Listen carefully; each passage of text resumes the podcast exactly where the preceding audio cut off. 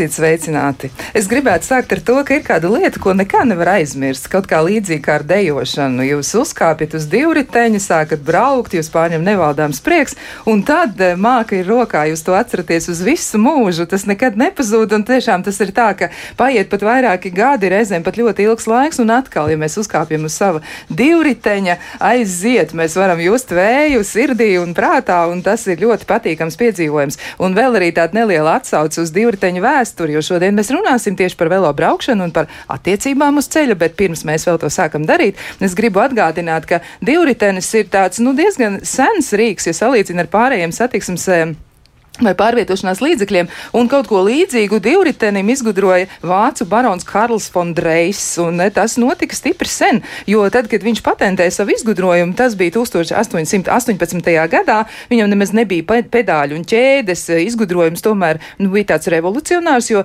tika radīta samērā universāla vadāma transporta vienība, ko ar muskuļu spēku darbināja cilvēks, turklāt tā arī izrādījās komerciāli veiksmīga. Un arī ātrums tam laikam bija tāds ļoti cienījams, ja, jo pirmajā dokumentētajā braucienā. Pats izgudrotājs 13 km nobraucis, nu tas ir tā liekams pēdiņās, ja, bet ir nobraucis mm, mazāk nekā stundā. Nu, ko nu tad var teikt tā, ka tas, šis prototyps, ja no koka taisīts tāds braucamais, kas bija diezgan, nu, tāds neveikls, tomēr ir divriteņa priekštecis, un tagad jau, nu, kā saka, tie ciskudriļļi, kā viņas kādreiz sauc mūsu vecmāmiņas, ja tie ir eh, kļuvuši ļoti iecienīti un izskatās jau pavisam citādi. Tie ir viegli, gan drīz vai ar vienu roku paceļami, un tiešām ļoti, ļoti ir ieviesušies satiksmē. Nu, šodien tad arī par to runāsim, jo, nu, vai nu mēs esam uz tiem četriem riteņiem, vai tikai braucam ar diviem vai arī ar trim.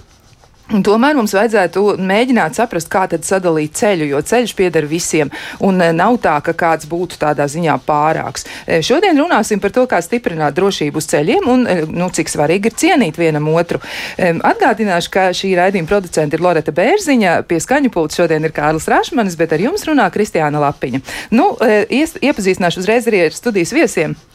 Un tad uh, mēs varēsim arī tālāk to problēmu pētīt. Ja nu problēma būs vai arī kādas citas lietas, ja par to mēs varēsim izrunāties. Un pie mums ir divas dāmas, eh, tātad Sveta Libārte un Zane Kalverša ķeņģe no Latvijas Cycling Girls. Ja, nu, tā kā mēs varētu teikt, Latvijas eh, braucošās meitenes. Latvijas velo meitenes. Velo meitenes. Ja, nu tad sveicinātas dāmas. Labrīt. Labrīt. Lūk, un vēl pie mums ir arī divi kungi. Un tātad tas ir Toms Marks, Latvijas Riteņbraukšanas federācijas ģenerālsekretārs. Sveicināt! Sveiki, Dienas! Un vēl pie mums ir arī ceļu satiksmes drošības direkcijas valdes priekšstādātājs Aivars Aksēnoks. Sveicināti! Labrīt! Nu, tad ar ko mēs varētu sākt? Mēs varētu sākt ar to, ka ir nu, tāda akcija, ja jeb tāda informatīva kampaņa, kas, nu, laikam tomēr akcentē kaut kādas noteiktas lietas, un tad es došu vārdu dāmām. Ja? Nu, tad varbūt mēs varam sākt par to runāt. Jā. Tātad Latvijas Cycling Girls ir velo amatieru meiteņu biedrība, kuru, kuras sastāvā ir vairāk kā 70 meitenes, un mēs faktiski pārstāvam riteņbraucējus, nu, teiksim, amatieru velosportistus. Un, un, un tā lieta, ar ko mēs saskaramies savā starpā runājot, un arī, teiksim, Latvijas amatieru kopienā kontaktējoties vienam ar otru, ir tas, ka mēs tātad diezgan bieži un daudz atrodamies uz ceļiem, uz koplietošanas ceļiem, un mēs redzam kad vēl ar vienu šī problēma pastāv. Tas, kas ir jāsaka uzreiz, pēdējos gados kļūst ar vien labāk. Tad, tad velobraucēji kļūst, autobraucēji kļūst iecietīgā, iecietīgāki. Mēs redzam, ka mūs apsteidz ar šo drošo intervālu, un mūsuprāt, tas ir nu, teiksim, metrs līdz pusotram metram. Ir tas tāds cilvēcīgais attālums, kurā apsteigt velobraucēji. Mēs redzam, ka šī situācija uzlabojās uz ceļiem, bet, protams, kā vēl ar vienu ir pietiekoši bieži gadījumi, kad cilvēki, nu, droši vien, ka daudzos gadījumos, teiksim, nepadomājot, ko tas nozīmē, ja tu ļoti tuvu nobrauc garām velobraucējiem, daudzos gadījumos mēs arī redzam, ka tā ir tāda ļaunprātīga rīcība patiesībā. Un tāpēc mēs nolēmām pievērst sabiedrības uzmanību šai problēmai un par to runāt un atgādināt divas lietas um, autobraucējiem. Pirmām kārtām, kad uh, velobraucēji drīkst atrasties uz ceļa, un tā kā jūs arī teicāt, tas ceļš pieder visiem, un, uh, un, un tikai tāpēc, ka auto ir smagāks un, un bīstamāks, teiksim tā, tas nenozīmē, ka viņam ir prioritāte. Tā ir viena lieta, un otra lieta, jā, mēs aicinam ievērot šo te šo drošo, drošo intervālu, nu, teiksim, pusotras metrus ārpus apdzīvotas vietas, un teiksim, nu, tad, um, pilsētā tie būtu vairāk, vairāk metrs. Tas, ko es uzreiz gribu pateikt, un skaidrs, ka uh, nu, teiksim, velobraucēji un autobraucēji vairāk vai mazāk dalās, tās ir tādas divas nometnes. Uh, tas, ko mums uh, autobraucēji šīs akcijas sakarā bieži un daudz saka, bet jūs, velobraucēji, pārkāpjat noteikumus. Man liekas, ka te ir jāliek tāds liels trekni, liela trekna izsaukuma zīme. Jā, mēs brīnišķīgi zinām, bet ticiet man, velobraucēji ir daļa no šīs sabiedrības, tāpat kā autobraucēji pārkāpj noteikumus, tāpat kā gājēji pārkāpj noteikumus, motociklisti pārkāpj noteikumus. Tieši tāpat tās velobraucēji nav nekas, tā nav kaut kāda īpaši izredzēto grupa. Arī mūsu starpā ir tie cilvēki, kas pārkāpj noteikumus, un mēs pilnīgi noteikti mūsu biedrība Mēs uh, vienmēr visos mūsu uzsaukumos, un arī, un arī savstarpēji, un arī šīs akcijas ietvaros, tas galvenais, ko mēs arī vēlamies pateikt, mēs nekādā veidā nesakām, ka visi velobraucēji ir malači. Mēs aicinām visus velobraucējus ievērot satiksmes noteikumus, vai tās būtu sarkanās gaismas, vai tās būtu, nu, teiksim, jebkas, ko mēs varam iedomāties. Jo, ja mēs gribam būt pilntai, pilntiesīgi satiksmes dalībnieki, tad lūdzu arī velobraucēji ievērojam šos satiksmes noteikumus. Bet šīs akcijas ietvaros mēs tomēr to galveno akcentu liekam uz to, ka autobraucēji. Nu, tā tava kustība, viens rokas kustība, tas ir īstenībā bieži velobraucējiem tikpat labi arī dzīvības un nāves jautājums. Tāpēc šīs akcijas ietvaros mēs aicinam ievērot šo drošo intervālu. Jā, jums arī ir bijusi nu, akcija, jau, jau pareizāk sakot, jūs esat sākuši to savu aktīvo darbu, jā, par informēšanu, un arī tāds eksperiments jums ir bijis. Varbūt par to varat drusciņi vairāk izstāstīt. Jā, eksperimentu mēs arī kā biķernieku trasē. Un tajā piedalījās eh, gan pazīstami sabiedrībā personis, gan mūsu lielāko kravas kompāniju šoferi, Rīgas satiksmes autobusa šoferi. Un tiešām šie cilvēki parastie, kas ikdienā brauc ar lieliem kravas auto pa šoseis malām, viņi tika uzsēdināti uz velotrenažīra. Viņi izbaudīja, kā tas ir, ka tiešām lielā ātrumā pabrauc garām fūra. Un pēc tam mēs pēc šīs uh, braukšanas pieredzes viņus intervējam, jautājām, kā viņi jūtās, kāda ir sajūta, ka pavisam tuvu pusotra metra, metra attālumā nobrauc lielais smagais auto vai autobus. Ko viņi par to saka? Nu, tās bija īstākās emocijas, ko mēs arī redzējām viņa acīs. Arī Aksēna kungam bija pieredze šī pati. Viņš bija pietiekami drosmīgs arī uzkāpt pati šī trenažera. Un arī viņš vēlāk var pakomentēt, kādas ir tās sajūtas. Un ko tieši jūt šis velobraucējs. Jo mēs to jūtam ikdienas, ka mēs braucam treniņos, ka mēs vienkārši braucam pa šoseis malu, varbūt savās ikdienas gaitās, bet tie, kas ikdienā nav uz velo šoseis, tiem varbūt tas tiešām ir pārsteigums. Mm -hmm. Nu, rekā, nu kā tad gāja Ksenoka kungam? Nu, tad kā jums veicās? Kāda ir jūsu secinājuma par šo? Nu, jāsaka, tas man nekas eh, jauns nebija, jo es pats arī esmu diezgan eh, kaislīgs eh, velobraucējs, un šīs sajūtas esmu ļoti daudz izbaudījis arī uz ceļiem nu, šajā eksperimentā, jau, protams, tu sēdēji uz trenižiera ja, un, un, un zināji, ka tur nekas notikt nevarēs. Ja. Bet vienalga, tad ļoti nepatīkami sajūta, ka tā lielā kravas automašīna vai, vai autobuss brauc garām. Nu, tu jau nezini, ja, nu, viņš arī tur tomēr kļūdīsies ja, un kaut kā viņam nepaveiksies. Bet jāsaka, ka uz ceļa tās sajūtas ir daudz, daudz uh, sliktākas. Jo ne jau tikai tas autovadītājs, bet arī tu pats, velobraucējs, var, var, var kļūdīties, var kāda bedrīte gadīties, kur tev nejauši pasitīs tuvāk tam kravas automobīlim. Eh, nemaz nerunājot par to, ka diezgan grūti ir paskatīties atpakaļ, jo nemaz nezini, kas tev tur īsti brauc garām. Jo? Un īpaši um, nepatīkami ir, kad brauc varbūt pat ne Eh, šīs tā saucamās fūras, bet ka brauc automašīna, kurai vēl ir piekāpe. Tev liekas, ka viņa jau ir pabraukusi garām, bet tur vēl nāk tā piekāpe. Ja? Tā kā tas patiešām ir ļoti aktuāls jautājums, kur meitenes ir pacēlušas. Un, un, un šajā ziņā jāizglīto gan šo auto uh, vadītāju, gan arī pašu velosipēdu vadītāju. Jā, par to drošo distanci runājot. Nu, kāds bija izjūtas? Jūs teikt, arī tad, uh, eksperimenta dalībnieki kaut ko teica 30 centimetri. Man liekas, absolūti vājprātīgi. Godīgi sakot, man šķiet, ka tas ir. Patiesībā tās būs teorētiskais mērķis bija, jā, ka mēs iesim no pusotra metra līdz metram 50 centimetriem 30 bet mēs sapratām, ka tad bija metrs un tā līnija bija tik bīstami tuvu izskaties, nē, ka mēs negribējām riskēt ar to pasākumu un ar mūsu dalībnieku dzīvībām, tāpēc mēs palikām pie viena metra. Jā, jo tas tiešām izklausās absolūti šausmīgi. Kaut arī ir... dzīvē tā bieži vien notiek. Mums pašām, mums, mūsu mei, kluba meitenēm ir bijusi pieredze tiešām, ka autobraucējs brauc un tiešām fiziski aizskar velosipēdu stūri vai velobraucēju alkoni. Kā jūs to varētu izskaidrot? Jums ir arī kāda ideja par to, kāpēc tā notiek? Kāpēc ir tik ļoti tāda, nu, attieksme, kas ir absolūti bez jebkādas cieņas pret velobraucēju? Nu, man liekas, mēs arī ar eksperimenta video dalījāmies mūsu sociālajos tīklos, un, protams, kā tur bija ļoti daudz un, un diskusijas un komentāri.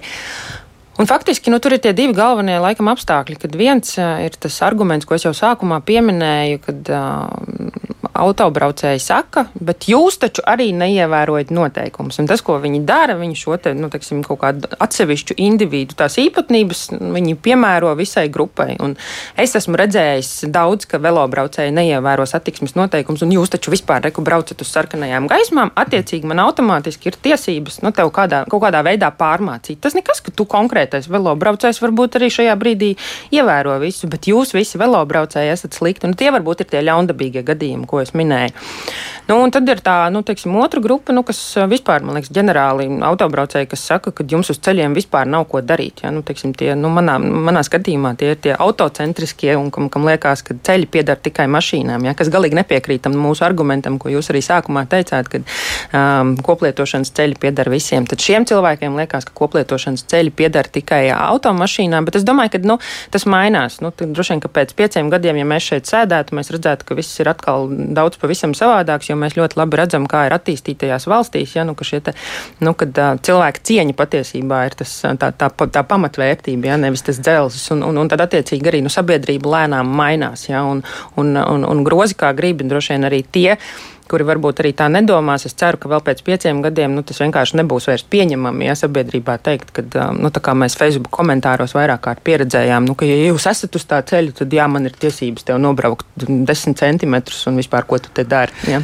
Nu, jā, jāsaka, tomēr, ja mēs esam tādi ļoti godīgi paši pret sevi, tad jāsaka, braukšanas kultūra, ko nu, piekopja Latvijas autovadītāji, kas brauc ar mašīnām, nu, tomēr ir kritizējami. Ja? Tur ir ļoti, ļoti daudz lietas, un arī kaut vai, piemēram, katru rītu mērojot ceļu uz Rīgu, es varu saskaitīt, nu, manuprāt, vismaz nu, 300 man, man šķiet vismaz um, pārkāpums, ja, ko veic autovadītāji. Un tas ir um, burtiski 40 minūšu laikā. Nu, tiešām mums ir jāpadomā par to, bet. Um, Es gribētu uzdot jautājumu arī Tomam Marksam. Nu, tātad jūs esat riteņbraukšanas eh, federācijas ģenerāls sekretārs, un tur droši vien arī jums eh, nu, darba sakarā ir informācija par to, kā veicas, piemēram, profesionāļiem, jo viņi taču arī trenējas uz koplietošanas ceļiem. Viņi tieši tāpat viņus izmanto, lai eh, nu, attīstītu sevi un trenētos, un, un pēc tam arī varbūt būtu šie sasniegumi. Viņiem nav citas vietas, kur to darīt. Jāsaprot tas, ka uh, profesionāliem sportistiem tas ir tāds pats darbs kā, kā jums šeit, uh, kā mums savās nozarēs birojos attiecībā attiecīgi tas ir viņu darbs, tas ir viņu darba laukums, tas ir viņu oficiāls tas ceļš.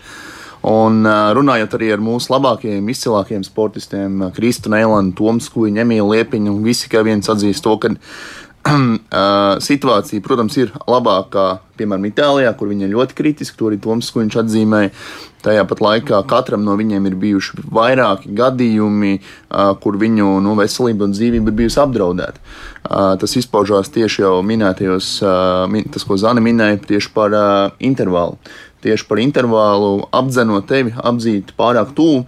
Un tas, ko dara braucēji, viņi arī bieži vien brauc viens otram blakām. Tādā veidā vismaz viņi, jo braucējiem šis iespēja robežās viņi jūtas tādā veidā drošāk. Viņi, protams, brauc gar maliņu, bet tādā veidā viņi liek auto vadītājiem saprast, ka, tā, ka šis priekšā esošais nu, braucēji kopa vai braucēji divi, viņi ir jābrauc ar lielāku intervālu. Jo, ja tu brauc viens, viņš domā, nu, gan jau viņš kaut kā iespiedīsies. Un tad bieži vien sanāk tā, ka vai no vēja plūsma, vai kā, vai tiešām, tiešām ir tā bedrīte, un tad tas risks notikt tajā sadursmē ir daudz, daudz lielāks.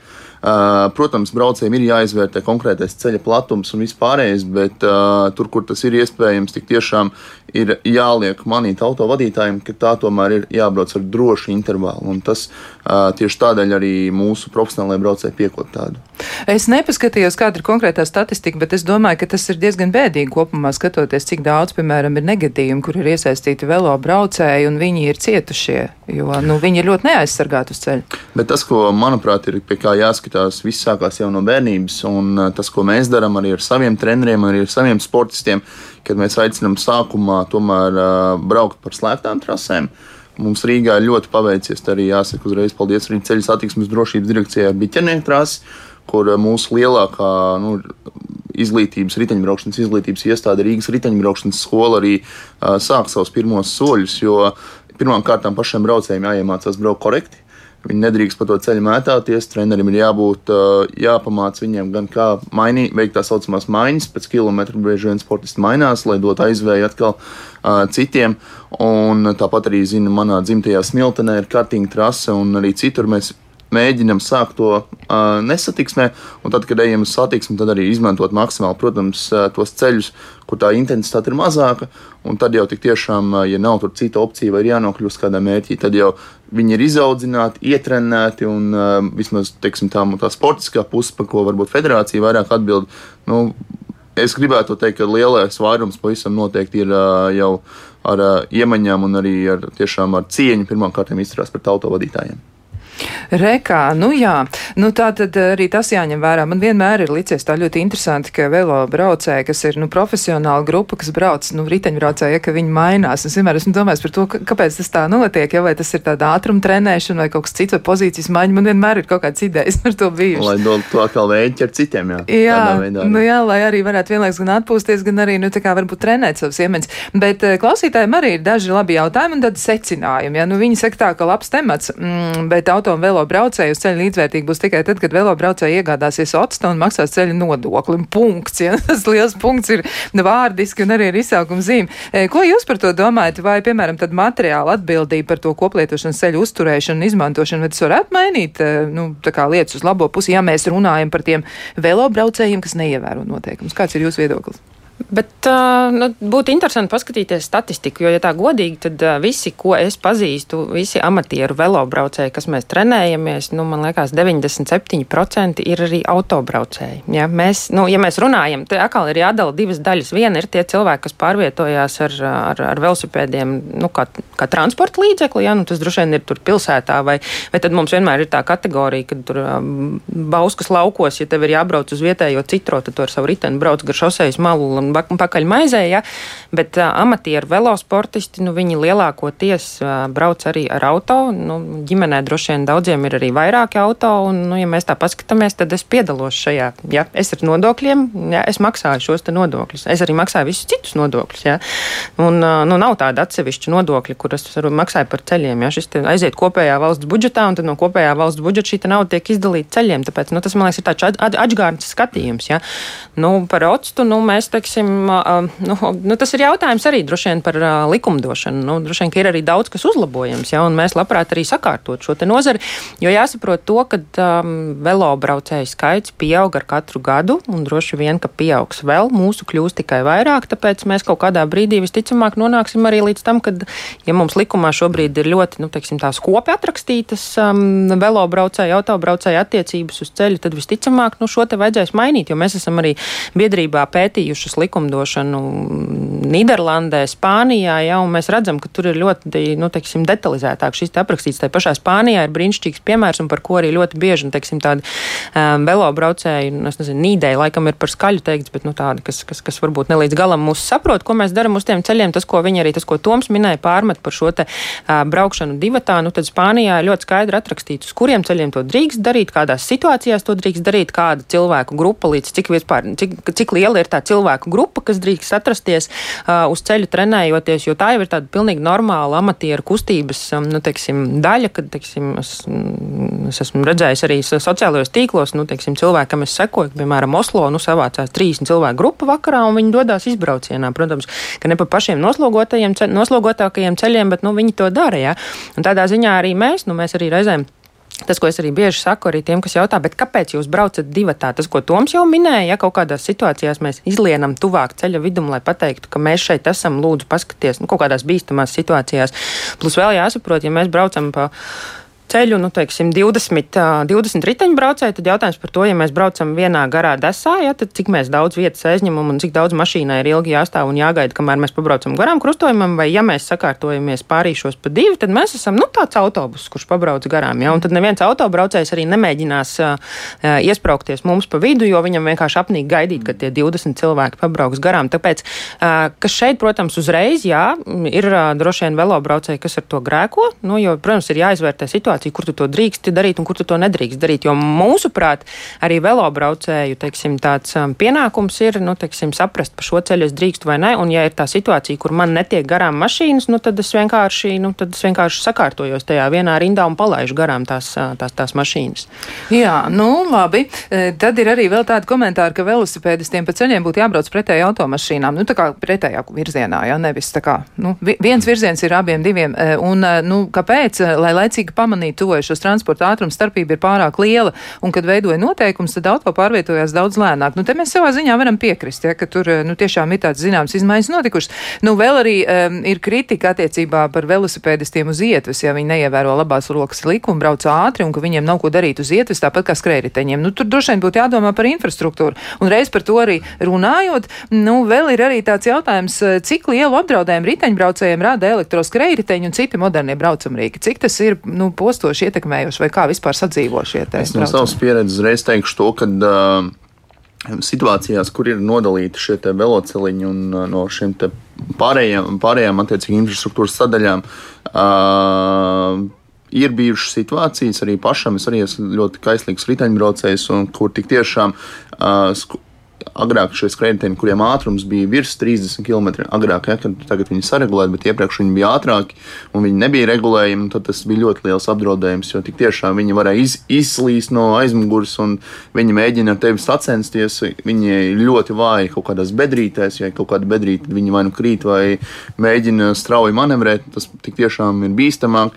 Tagad, kad, manuprāt, ir beidzot šis sakārtots ātruma ierobežojums, manuprāt, ir 20 km/h šobrīd, kāds var palabot, tad riteņi tad vismaz tas nav ātrāk kā braukt tiksim, tā riteni, un tad varbūt tās attiecības ir normalizējušās, bet jebkurā gadījumā es aicinu ikvienu cilvēku, kurš brauc ar skrējēju, pirmām kārtām būt vērīgiem un uzmanīgiem. Un otrām pats galvenais kārt tik tiešām ne, nebraukt ar šo skrejriteni nekādā gadījumā, nezinu, kaut vai ir izdzēts kāds alus vai kas tam līdzīgs, jo tas neatbrīvo, tas padara to visu tikai bīstamāk un jāņem vērā vēl viens aspekts, kad skrejritenis pie kāda mazākā šķēršļa, bedrītes, viņš kļūst ļoti bīstams. Vai nu viņš krīt, vai nu viņš strauji manevrē, un tas ir bīstami visiem. Tāpēc ir, ir jāsolidarizējas un cieņpilni jātiecas vienam pret otru.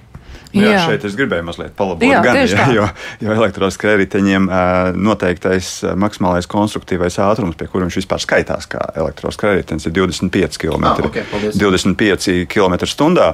Un varbūt pat tā ir problēma, ka ceļu satiksmē nav noteikts ātrums elektroskrējējiem, rēķinoties, ka viņš fiziski nevarētu braukt ātrāk kā 25 km/h, jo tie, kas brauc ātrāk, tie neatbilst vairs elektroskrējēju definīcijai, un viņi vispār nedrīkst ceļu satiksmē atrasties. Nu, diemžēl mēs redzam, redzam ka arī veikalos pārdod, kur norādīts 70 km/h elektroskrējējiem. Mm. Un šobrīd arī likumdevējs ir, ir ķēries klāt pie šīs elektroskrējēju jomas sakārtošanas, bet tur vēl ir ļoti, ļoti daudz problēmu, daudz neskaidrību, kā tas viss praksē tiek kontrolēts, kā tas tiek tiešām realizēts. Un uh, interesanti, ka kaut kur veidojās arī divas nometnes uh, - velobraucēji un elektroskrējēju braucēji. Un, diemžēl viens uz otru ir greizsirdīgi, kāpēc tam prasīs ķiveri, šī tam neprasīs ķiveri. Ja? Nu, es domāju, ka tur ir kopīgi jāmeklē kāds, kāds labāks risinājums un, un, un, un, un jāsadarbojas. Jā, nu par ķiverēm runājot, man jau šķiet, ka abiem diviem, nu, abām grupām vajadzētu domāt par drošību, jo tiešām nu, tas ir ļoti, ļoti neaizsargāts cilvēks gan uz velosipēda, gan arī uz elektriskas skrējriteņa. Tiešām ātrums ir ļoti liels un traumas ir nu, tiešām diezgan šaušalīgas, godīgi sakot, ja tajos grūtākajos gadījumos. Bet vēl domājot arī par sevi un par drošību, ir tā, ka viens no klausītājiem atzīmē, ka jau gadu par Rīgu un šosei brauc ar labu, un viņš īpaši izceļ to ar lieliem burtiem, ja labu atpakaļ, atpakaļ skats spoguli, un vairs nevar iedomāties, ka varu braukt bez tā, un iesaka arī citiem padomāt par to. Un droši vien tad jāaprīko arī savs braucamais eh, tiešām ar papildus kaut kādiem elementiem, kas ļauj justies drošāk. Bet vēl arī runāt par infrastruktūru, un te mēs Aksēnu kungam varētu arī uzdot varbūt to jautājumu, nu, jums varbūt ir ziņas par to, kādi ir plāni, jo Igaunijā gar ļoti daudziem ceļiem ir veloceliņi, kur savieno ciemats un kur mašīnām riteņbraucēji netraucē. Un pie mums, nu, lielākoties nekā tāda nav. Kāds ir jūsu komentārs par infrastruktūras mainīšanu? Jo šķiet, ka, piemēram, Rīga kā pilsēta ir ārkārtīgi nepiemērota. Ja? Nu, daudziem, eh, daudziem variantiem, ja braucēju variantiem, kur gribētu atrasties uz ceļa. Jā, nu, ļoti ilgu laiku m, tam vispār netika pievērsta uzmanība. Mēs nerunāsim par padomu laikiem. Arī 90. gados faktiski nekāda uzmanība netika pievērsta, lai veidot šādu velosipēdu infrastruktūru. E, pēdējos gados, e, nu pat pēdējās desmitgadēs, tam ir veltīta diezgan liela uzmanība. Pašvaldības e, labprāt mēģina veidot velo joslas vai velo celiņus. Bet problēma jau ir tāda, ka šīs infrastruktūras maiņa maksā lielu naudu. Un ir cita lieta, kad veido kādu jaunu ceļu ja, tad ir iespēja šo velosipēdu iep, ieplānot un viņu izveidot. Esošā infrastruktūrā to bieži vien ir vēl grūtāk izdarīt. Uh, un gribas jau ātri. Gribas ātri, ja, un šeit arī Rīgas pašvaldība šobrīd ļoti aktīvi strādā, lai veidot šos velo joslas vai velo celiņus. Bet to nevar darīt tā pavisam vienkārši. Novalkot šo svītru vai pat saliekot stabiņus, šī infrastruktūra jāveido tiešām projektējot, ja, lai netraucētu gan gājējiem, gan, gan būtu pārdomāta tāpat paša velosipēdista drošība, ja, kā satiksme vispār notiks tajā ceļā. Tas ir diezgan sarežģīts process, bet ir, ir, ir labi, ka tas iet uz priekšu. Gan pašvaldības, ka es zinu, ka arī Latvijas valsts ceļiem ir vairāk, vairāk projektu par jaunu veloceliņu izbūvi, tā kā uzlabojumi pilnīgi noteikti būs. Bet šeit gan ļoti, ļoti nu, studijā kolēģi ļoti dzīvi stāsta par, par savu, savu velo braukšanu, bet jāsaka tā, ka šeit ir sportisti ja, amatieri vai profesionāļi, bet nu, sportisti jau daudz labprātāk izmanto tomēr to, to ceļu ja, to braucamo daļu nekā veloceliņus. Jo veloceliņus bieži vien e, izliek ar šiem ķieģelīšiem. Ja, nu, mēs gan redzam, ka brauc arī lielajās autosacensībās par bruģi, ja, kas ir, ir ļoti populāri un aizraujoši. Bet, bet, e, bet tomēr nu, veloceliņus e, vairāk, vairāk izmanto tieši, tieši nu, satiksmē, velobraucēju satiksmē. Jā, tā gan tas ir. Bet nu, var, var teikt tā, ka klausītāji mums te ir nu, ļoti daudz jautājumu iesūtījuši un apbēruši gandrīz vai jā, ar visādiem gan jautājumiem, gan secinājumiem, gan saviem komentāriem komentāriem, bet eh, nu, mums nāksies tos visus arī izpētīt. Bet nu, tomēr to mēs darīsim pēc īsa atpūtas brīža. Kā labāk dzīvot? Turpinām sarunu par to, kā sadalīt ceļu eh, mums visiem, gan tiem, kas brauc ar velosipēdiem, gan tiem, kas brauc ar automašīnām, gan arī tiem, kur ir izvēlējušies pavisam jaunu, nu, tādu pārvietošanās līdzekli, ko mēs visi dēvējam tagad par elektroskrējriteni, kas tiešām arī ir tāds ļoti iecienīts, un galu galā uz ceļa ir arī gājēji. Un laikam stāsts sāks ar viņiem, ja, jo gājējiem, eh, nu, ir visgrūtāk brīžam.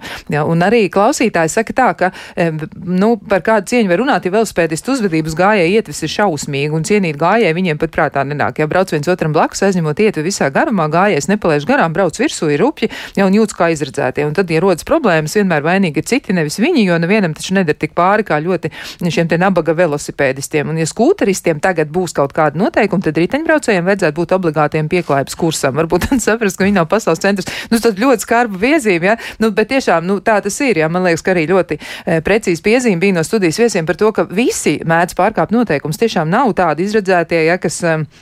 Būt īpašāki, jo nu, tiešām pārkāp visi, arī velosipēdisti to reizēm dara, bet nu, mēs mēģinām šodien saprast vairāk par to, kā visiem sadzīvot uz ceļa, kas tad katram no mums būtu jādara. Ja? Mēs tiešām nemēģinam izcelt vienu grupu tik ļoti, bet nu, vairāk analizēt tieši problēmas. Nu, vēl arī klausītāji saka tā, ka velciet atstarojoši kaut ko lūdzu arī dienas laikā, jo nevelk, ja, un tās asfalta krāsas apģērbs, nu, kaut kāds tur ar baltām svītrām, ja, nu, tā kā nemaz nevar redzēt, nevar laicīgi pamanīt, un citreiz gribas apstāties un pateikt, vai tad ir tik grūti kaut ko uzvilkt. Un no sportistiem, nu, te arī piezīme par sportistiem, labi, ja vienam no 20, ja ir kaut kas tāds, ko var labi saredzēt, pats arī brauc un, un bērniem rāda šos neapzinīgos. Nu, mums tāds klausītājs ļoti cītīgs, viņš mēģina labot, labot lietas. Bet, nu, atgriežoties pie infrastruktūras. Um, Un arī pie eh, nu, tādas kontrolas. Jā. Viena no piezīmēm ir tāda, ka braucēju kultūrai ir jāsako ceļu policijai. Diemžēl Latvijas eh, ceļu policija nodarbojas ar protokolu vākšanu, lai parādītu, ka ir iestrādājis savas darba stundas. Jā. Nu, es ceru, ka policisti dzird, tas skarba piezīme jums tieši, jā, bet pie reizes arī parāda, nu, kāda viņi ir mališi, papildina valsts kasi.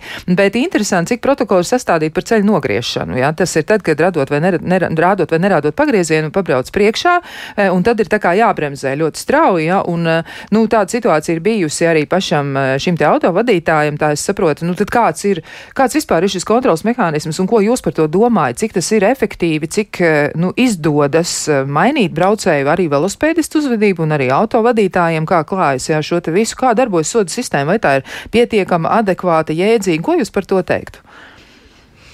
Klusums studijā, jo es Jā, nezinu, uz... vismaz, jo vismaz man, manā pieredzē, un es braucu diezgan daudz, man nav bijusi saskarsme ar policiju patiesībā. Mm -hmm. man, man, man, man, man, man nav gadījušies arī nu, teiksim, tādi gadījumi, kur man būtu jāsauc šī policija, bet uh, es nezinu, nu, varbūt, varbūt citiem klātesošajiem. Bet man liekas, ka policija vienkārši izvēlās uh, neiesaistīties šajās velobraucēju un autobraucēju attiecībās. No otrs droši vien, ka nav arī izmērams. Patiesībā tas metrāža nav izmērama, gadījumi grūti noķerami, nav pierādāmi. Un kurā brīdī tas uh, policists, ja pati viņš nofilmēs aizmugurē ar ekipāžu mašīnu braucot, redzēs gadījumu, tad nav pat īsti kaut kādi argumenti, kāpēc viņam likās pārāk tuvu. Tas viss tādā taustāmā līmenī. Kāpēc nu nevar nomērīt, nevar pierādīt. Nu, tur vajadzētu būt ļoti, ļoti tādiem konkrētiem nosacījumiem, kurus var arī pārbaudīt. Nu, te ir arī, eh, nu, tādas arī, arī par infrastruktūru runājot, ja tāda piezīme, ka pats esmu gan liels eh, velobraucējs, gan arī autošoferis, bet kāpēc es kauguriem, nu, tā kā viņam ļoti konkrēti vieta, ko viņš norāda, kāpēc es kauguriem un sloks, eh, kur nesen izbūvēja kilometriem garu velo celiņu, sportisti brauc pa šauro autoceļu, ja, un tad tiešām vai tās pāris sekundes ir dzīvības vērtas. Nu, tad, es gan nezinu par šo konkrēto veloceliņu, mm -hmm. bet kā mēs pirmie minējām, jā, tie veloceliņi ir tādi, kur tiešām, ja viņš nav fiziski nodalīts no gājēja, gājēju ceļa, ja tur nav tā, ka tur tikai velobraucēji un viens cits netiek klāt, tad tiešām mēs varam braukt, mums vajag braukt pa to veloceliņu. Bet, ja gājēju ceļš ir kopā ar veloceliņu uz vienā joslā, fiziski neatdalīts, tad mums tur nav obligāti pienākums braukt. Pirmkārt, otrām kārtām viņi tiešām nav droši. Ja mēs braucam treniņu 35, 40 km/h, un tur paralēli ir māmiņas ar ratiem, ir bērni suņi, nu tad kam tas pasākums būs beigās nedrošs visiem? Mm -hmm. Tas klasiskais piemērs ir droši vien vecāku, vecāku velosipēdiņš, kurš it kā arī ar labu domu ir taisīts, bet kamēr viņš ir sajūgts tik tiešām kopā, pirmkārt ir pie pašām, pašām mājām, tur ir autobusu pieturas, tur ir tik tiešām māmiņas ar ratiem, suņi. Um, tas droši vien ir tāds uh, viens no arī nu, klasiskākajiem, piemēram, kur tādā sporta treniņā, tādiem, ja mēs runājam par mums, varbūt amatieriem vai profesionāliem sportistiem, nu viņš nav piemērots. Īstenībā visdrošākais, es domāju, meitenes un arī Aivars iespējams piekritīs, ir šis pats lielais vidzemes šoseis ceļš, kur ir tiešām skaidri nodalīta šī te, nepārtrauktā, nepārtrauktā līnija. Mm -hmm. Mums ir kāds klausītājs zvans, mēs varētu arī tad uzklausīt un arī mēģināt atbildēt, ja būs kāds jautājums, varbūt kāds komentārs. Mēs klausāmies, lūdzu. Labdien! Eh, nav, nav pareizs uzstādījums, ka riteņbraucējs ir pilnvērtīgs satiksmes dalībnieks, jo visai plūsmai viņi nāks apdzīt. Ja? Un apzīšana ir praktiski pats sarežģītākais no visiem manevriem, kad, kad es pie stūres. Ja? Un es domāju, ka Aksēnams tikko pareizi teica, vai nu, vai nu nodalošā josla laicīgu, ja viņam jābrauc pa veloceliņiem. Bet saprotiet, brauc visa plūsma un viss, katrs, katram jāveic tā apzīšana. Pretī nāk mašīnas. Ja? Es nezinu, brīžiem tiešām jādomā, eh, kādiem pašiem velosipēdistiem nesaprot šo situāciju. Paldies! Paldies par, par jūsu jautājumu, komentāru un arī vienlaiks par secinājumu. Ja tā kā var teikt, tur viss tā reizē kopā ir salicies. Nu, ko jūs par to domājat? Jo man jau šķiet, ka atkal, nu, tajā komentārā tomēr, kaut arī klausītājiem zināmā mērā mēs varētu arī piekrist, tur tomēr parādās atkal par to, ka, nu, es esmu autovadītājs, man ir ērti un man tagad ir nērti. Ja? Un ko tad man ar to darīt? Un atkal ir, nu, grūtības to sadalīt to ceļu. Jā, jūs šeit pirms tam arī, arī nolasījāt daudzas dažādas piezīmes piezīmes, priekšlikums, atzinums no, no, no klausītājiem eh, arī par sodiem, par sodu lielumu. Nu, es domāju, ka ar šo visu eh, nevar, nevar atrisināt jautājumu. Jā, visus šos jautājumus nekad tā pilnīgi perfekti atrisināt nevarēs. Un es domāju, ka tas atslēgas vērts tomēr ir, ir uzvedības kultūras ceļš. Un tas ir audzināšanas jautājums. Tas ir audzināšanas jautājums. Ļoti labi, ka mēs par to šobrīd, šobrīd runājam, stāstam. Ļoti labs arī šis eksperiments, kas tam pievērš, pievērš uzmanību. Tas patiešām ir, ir vadītāju kultūras jautājums. Visu vadītāju, gan autovadītāju, gan velo vadītāju savstarpējās cieņas jautājums. Un, un tikai tā, tādā veidā mēs varam lēnām virzīties uz priekšu. Tāda brīnuma nu, jau šeit nebūs. Jā, nu, tā tas ir. Ir vēl kāds eh, klausītājs zvans, uzklausīsim, un tad arī tos pārējos komentārus arī no studijas viesiem uzklausīsim, kas jums ir vēl par to sakāms. Tā, mēs klausāmies, lūdzu. Uh, labdien! Nu, ziniet, ir arī daudz tādu riteņbraucēju, kas brauc bez rokām, neturoties pie stūres. Ja? Viņa neskatās, vai iet sieviete bērniem vai ratiņiem. Ja? Un bieži tā, ka viņa skatās kaut kur zaino, pa labi, pa kreisi, un ritenis jau iet slīpi. Ja? Un cik, cik mēs jūtamies droši, ka brauc bez rokām pretī kaut kāda, kas tad cirks mums ir uz trotuāriem. Nu, jā, paldies jums! Nu, re, kā, jā, tā tad arī tur ir kāds iekrits acīs, ja, kurš eh, nedara lietas pareizi. Laikam tā tas tomēr ir, mēs esam tā orientēti, ja, nu, tā psiholoģiski mums tāda īpatnība ir, ka mēs pamanām tās negatīvās lietas un tās labās lietas nepamanām. Mums ar citu par labajām lietām runājot, ka eh, par veloceliņu, ja tur par auguriem ir nodalīts gar mežu un trenēties var biķerniekos, ja, un man tā kā ar auto neviens neļauj sportam trenēties uz koplietojumu ceļa, ja, tā tad ir vieta sportam un ir kā vieta tai, nu, kaut kādai tādai transporta e, kustībai. Nu, vēl arī ir tā, ka m, mm, klausītāji atzīmē, ka ar vairumu velosipēdistu uz ceļa sadzīvoja tīri labi problēmas un niknums rodas par tiem saucamiem karojošiem velosipēdistiem, ja, un tādiem, nu, nu tur tāda piezīme, es pat nezinu, vai man gribas to lasīt, ja tā ļoti skarbi grib tas klausītājs izrīkoties ar viņiem. Ja. Nu, lūk, un arī vēl par nu, to, kā brauc velosipēdisti, kad dienas tumšajā laikā brauc bez lukturiem priekšā un aizmugurē. Nu, tas gan ir drošības jautājums, kas būtu katram pašam jāapsver, ja tur par to tiešām ir jādomā, jo jūs esat ļoti, ļoti neaizsargāti satiksmes dalībnieki no tāda viedokļa. Tiešām domājiet. Bet, um, Vēl jautājums par infrastruktūru. Nesaprotu, kā labi nevar veidot veloceliņus gar dzelzceļu. Jā, būs uh, maz krustojumi un būs ērtāks arī ceļš dzelzceļa apkops transportam. Nu, tas ir par to, un Aksena kungs, jūs jau teicāt, ja tā tad izdevumi vēl kaut kas, bet vai gadījumā nav tā, ka mēs uz naudu skatāmies uh, drusciņi aplami, jo zaudēta dzīvība vai traumēts cilvēks vai, uh, nu, darba vidē nespējīgs funkcionēt vai tāds, kuram ir tiešām ciešanas pēc tam radušās, vai tas gadījumā tomēr nav dārgāk par veloceliņu izbūvu vai drošas satiksmes organizēšanu? Neapšaubām, bet tā jau arī nav vienīgā infrastruktūra, kas ir satiksmē. Ja? Tā, tās izmaksas šeit nav runa par, par simtiem vai tūkstošiem eiro, šeit ir par daudziem miljoniem runa. Ja? Un runa nav pat tikai par naudu, bet runa arī ir par to laiku, kas tam ir nepieciešams, lai šo te visu izveidotu. Un, eh, godīgi sakot, tiek jau meklēti visādi vienkāršāki risinājumi. Es zinu, ka savulaik eh, Rīgas doma veidoja mm, veloceliņu gar Mārupīti, piemēram, ja, kur it kā ir jau, jau dabiski veidojās šis veloceliņš, vai, piemēram, eh, ķengaragā, ja, gar Daugavu iet veloceliņš.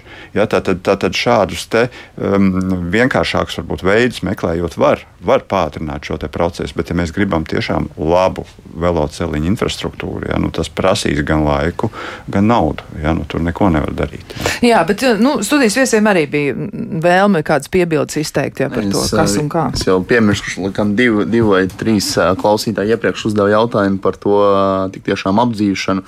Jā. Uh, tur ir viena būtiska nianse. Jāsaprot, tas, ka riteņbraucējs ir satiksmes pilnvērtīgs dalībnieks. Viņš ir tieši tāds pats dalībnieks kā traktors, kas brauc uz 30 km/h nezinu, kā kombains, kurš uz brīdi ir izbraucis, lai pārbrauktu, kas ir atbilstoši ceļu satiksmes noteikumiem, brauc.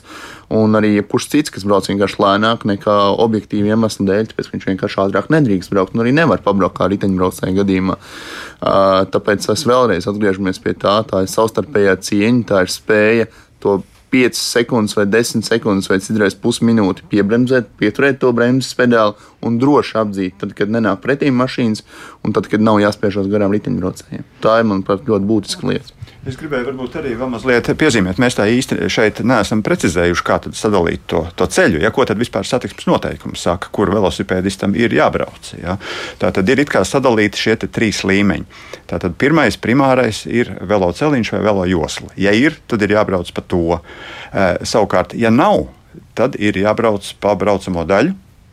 Uh, nu, izņēmuma gadījumā, ja tiešām braucamās daļas stāvoklis, laika apstākļi vai kaut kas tam līdzīgs, tad ir atļauts braukt pa gājēju ietu. Bet, principā, pa gājēju ietu braukt nav atļauts velosipēdistiem. Ja? Un tāpēc arī mums rodas šie jautājumi par velosipēdu uz ceļa. Viņiem citur nav kur palikt.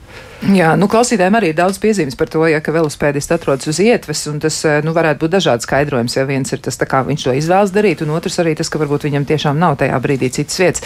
Jā, piezīme. Jā, lūdzu. man ir piezīme tam kungam, kurš arī minēja par to apdzīšanu, kad uh, velobraucējiem nav jābūt uz ceļa, un kad ir jābremzē, un tas apgrūtina, un tas jau paš, pašā saknē, ja, nu, mēs apgrūtinam satiksmi autobraucējiem. Bet varbūt, ka pakāpjamies vienu soli atpakaļ, un mēs arī redzam, ka Eiropas Savienības līmenī, nu, teiksim, ir šis fokus uz to, ka mēs gribam dzīvot zaļāk. Ja?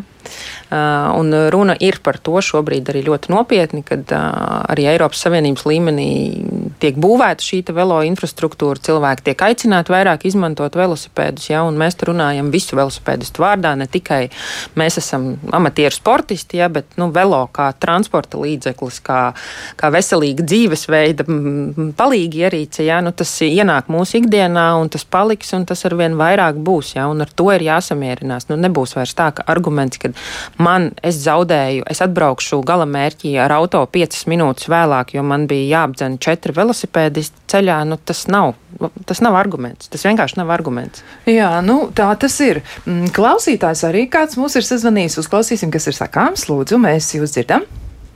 Labrīt! Uh, dzīvoju mazpilsētā.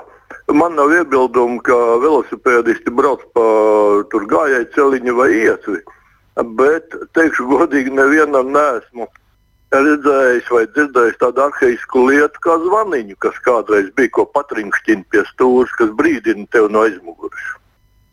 Paldies! Tas ir labs atgādinājums par zvaniņu. Jā, man gan jāsaka, man ir cita pieredze. Arī dzīvoju mazpilsētā, un tur velo braucēji mums ir arī ierīkoti velo celiņi, jeb kā klausītājs viens eh, aizrāda un saka tā, ka lūdzu atbilstoši ceļu satiksmes noteikumiem saukt velo celiņus par velo ceļiem, nevis diminuitīvā, ja, nevis samazinot kā, mm, nu, vērtību šim vārdam, un, un eh, lai neizmaina šī jēdziena būtība, tiešām, nu, velo ceļi. Jā, nu tā varētu teikt, bet man ir laba pieredze. Tur ir zvaniņi maniem kaimiņiem, draugiem, paziņām, kas nu tur dzīvo dzīvo, mēs visi kopā esam. Tiešām zvaniņi ir un zvana tā, ka, nu, kad, kā saka, maz neliek. Atbildes uz zvaniņu arī mēdz būt dažādas. To var pazvanīt, un cilvēks tiešām paiet malā, un varbūt to pazvani, un viņš, ko tu tur trinkšķini?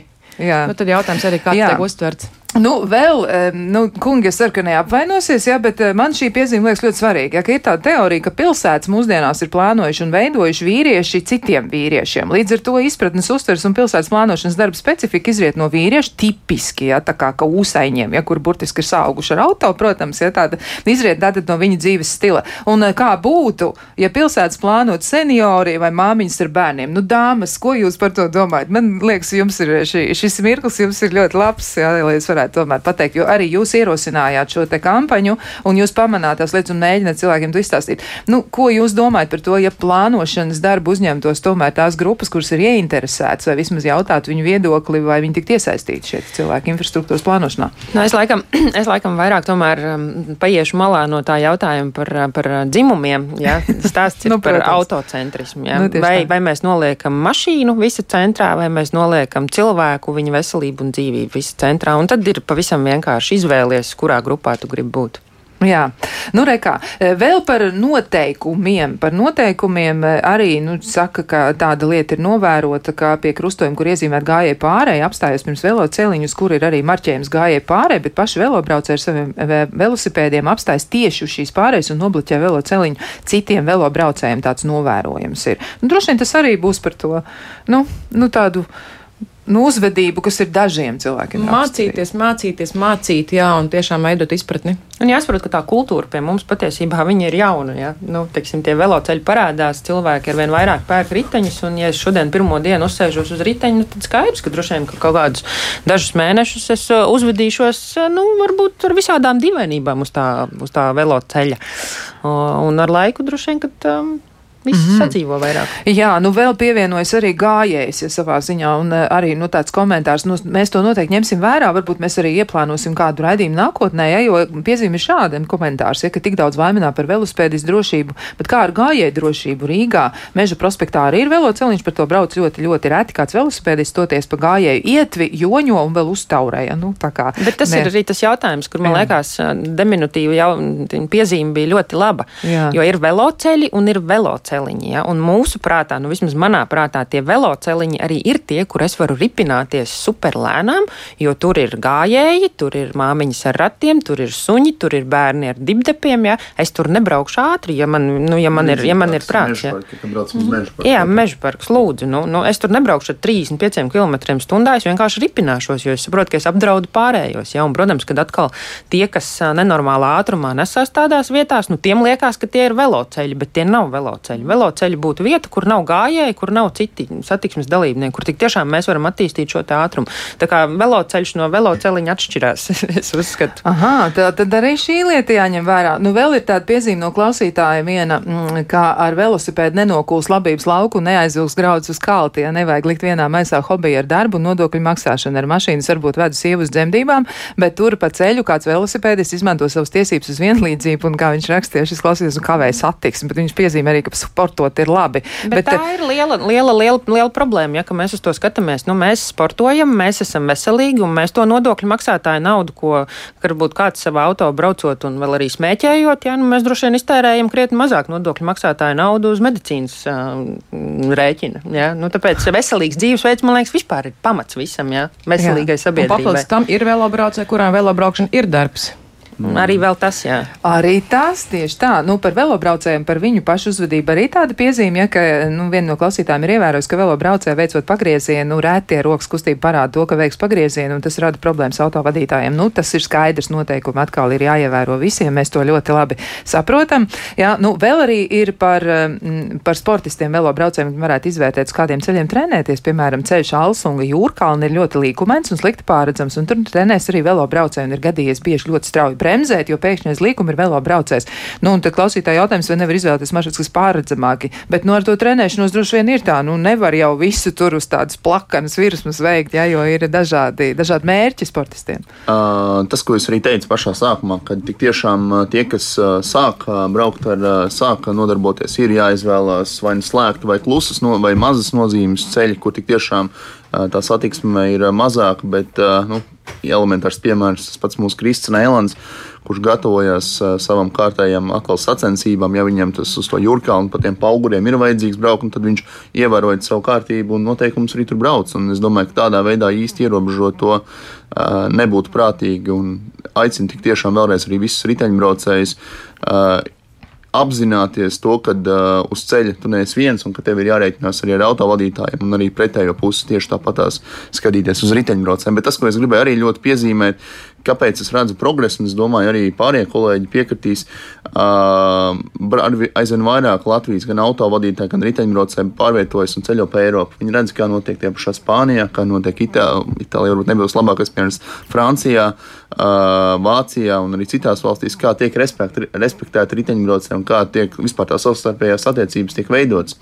Un tas lēnām, lēnām, es domāju, tas mūsu ceļš, eiro, eiro, ejot vairāk, vēl dziļāk tajā eiropeiskajā lietā, skatījumā, tas arī vainagosies, domāju, progresu arī uz priekšu. Man līdzīgi arī, kā, ko pirms laika bija ieviesta obligātā piesprādzēšanās mašīna, arī tas bija liekas, ka sākumā kā tiešām, kāpēc man būtu jāsprādzēs visu laiku, esmu braucis nepiesprādzēt savā žigulī. Nu, nē, tagad laikam tas liekas pašsaprotam un neviens pat neizvērtē, vai tiešām nevajag. Tas, tas pats bija arī veloķiverēm, arī mūsu organizētajos pasākumos sākumā, ka viņas ievies bija ārprāts, ārprāts, bet bet uh, tik tiešām uh, Igo Japiņš, kā viens no aktīvākajiem organizatoriem, iesāka uzlikt to. Nu, tagad tā ir pašsaprotama lieta. Ik viens treniņos, ik viens sacensībās vispār nav iedomājams braukt bez veloķiveres. Jā, nu tā tas ir. Nu, ko lai saka, nu, tiešām ļoti daudz dažādas lietas vēl ir droši vien jāpaveic gan par infrastruktūru runājot, gan arī vēl par noteikumu veidošanu. Jā, arī tāds piezīmes ir par to, ka braukt blakus divi, ja tur vai vēl kaut kā. Nu, tā tad acīm redzot, tas viss ir jāmēģina sakārtot. Bet eh, nu, tāds ļoti, ļoti īsts novēlējums eh, no, no nu, šoreiz došu vārdu dāmām, kas ir ierosinājušas jā, šo te visu pārbaudīt, pārliecināties par to un izmēģināt, kā tas ir, un tomēr secināt, ka droša braukšana ir nepieciešama visiem un arī noteikumu ievērošana ievērošana. Kas ir tas, ko jūs novēlētu visiem, kas atrodas uz ceļa, un jo īpaši nu, veicinot varbūt šo sastarpējo cieņu? Droši vien neko jaunu nepateiksim. Tā ir sapratne un cieņa vienam pret otru. Jā, mēs visi esam uz šiem koplietošanas ceļiem. Mēs nenodalām, ka kāds ir svarīgāks, ka kāds brauc darbos vai kāds brauc eh, vest uz slimnīcu radinieku. Mēs tiešām esam uz šī ceļa, lai konkrētu apstākļu vadīti. Un, jā, ir autobraucējiem jāiet uz velobraucēju lomā, velobraucējiem ir jāstāsta, ko dara autovadītāji vai gājēji. Vienkārši esam kopā, cienām viens otru, saprotam, un tad arī viss būs Un tad arī viss būs Pozitīvi. labi. Tieši tā, paldies. Mēs to noteikti varam, eh, nu, sekot sauklim, viens ceļš visiem. Mēs noteikti spēsim to sadalīt un eh, bez, kā saka, tāda naida, bez, bez eh, kaut kādiem asumiem mēs to varam izdarīt. Saku paldies studijas viesiem Svetai Libertai, Zanai Kalveršai ķeņģei no Latvijas Cycling Girls, arī Tomam Marksam, kurš ir Latvijas riteņbraukšanas federācijas ģenerālsekretārs un, protams, arī ceļu satiksmes drošības direkcijas valdes priekšsēdētājiem Aivaram Aksēnukam. Saku paldies arī raidījuma producentei un arī Kārlim Rašmanim, kurš rūpējās par skaņu. Bet klausītājiem savukārt teikšu tā, rīt jūs tiksieties ar Marionu Baltkalni un uzzināsiet, kā var palīdzēt savam sunim iemācīties jaunas lietas un vispār labi uzvesties. Un to var izdarīt ar pozitīvu pastiprinājumu. Rīt jums būs interesanti, ticiet man. Bet mēs ar, ar jums tiksimies savukārt nākamajā nedēļā, un tad jau mums būs daudz lietas runājams. Lai jums skaista diena un uz tikšanos!